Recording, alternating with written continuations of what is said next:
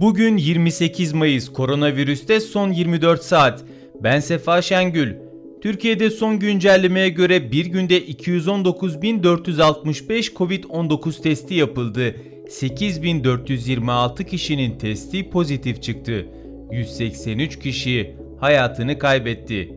Yeni hasta sayısı 673 oldu. Mevcut toplam ağır hasta sayısı 1504.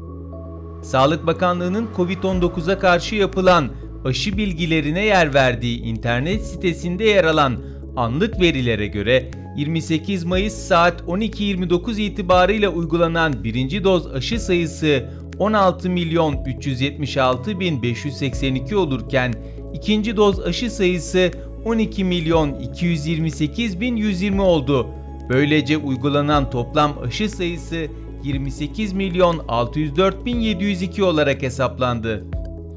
Milli Eğitim Bakanı Ziya Selçuk Twitter'dan öğretmenler ve eğitim çalışanları için öncelikli aşı uygulamasının hızla devam ettiğini belirterek 40 yaş üstü 57 bin mesai arkadaşımızın daha randevularının açılmasıyla 813.400 öğretmen ve eğitim çalışanımız için aşı olma imkanı sağlanmış oldu mesajını paylaştı.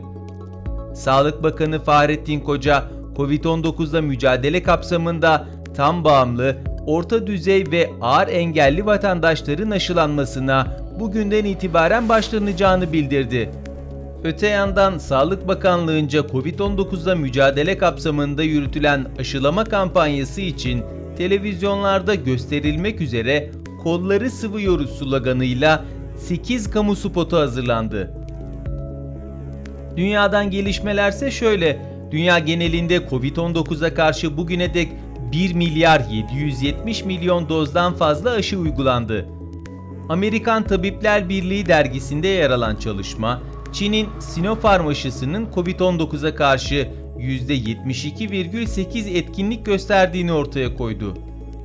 ABD merkezli sosyal medya platformu Facebook, Covid-19'un insan yapımı olduğu yönündeki paylaşımlara getirdiği yasağı kaldırdığını duyurdu. ABD Ulusal İstihbarat Direktörlüğü Covid-19'un ilk nerede, ne zaman ya da nasıl ortaya çıktığını henüz bilmediklerini ancak iki muhtemel senaryo üzerinde çalıştıklarını bildirdi. Çin ise ABD Başkanı Joe Biden'ın istihbarat birimlerine Covid-19'un kökenlerine ilişkin soruşturmalarını yoğunlaştırmaları için talimat vermesine tepki gösterdi. İngiltere Sağlık Bakanı Matt Hancock, Başbakan Boris Johnson'ın eski baş danışmanı Cummings tarafından yöneltilen Covid-19'la mücadelede hükümetin başarısız politikaları nedeniyle binlerce kişinin gereksiz yere hayatını kaybettiği ve kendisinin halka yalan söylediği suçlamalarını reddetti. Almanya Başbakanı Angela Merkel, ülkede 7 Haziran'dan itibaren 12 yaşından büyük çocukların da Covid-19 aşısı yaptırabileceklerini belirtti.